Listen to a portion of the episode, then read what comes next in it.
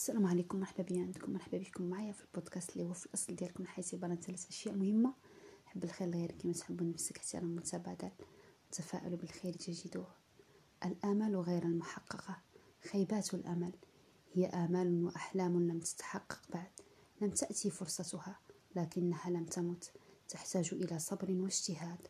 خيبة الأمل هي شعور سيء ومزعج يصيب الإنسان.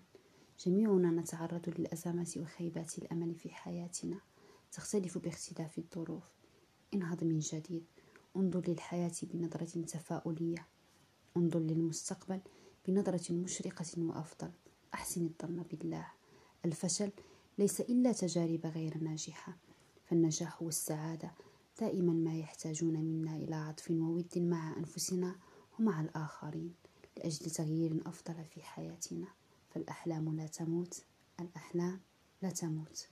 كونوا بخير في أمان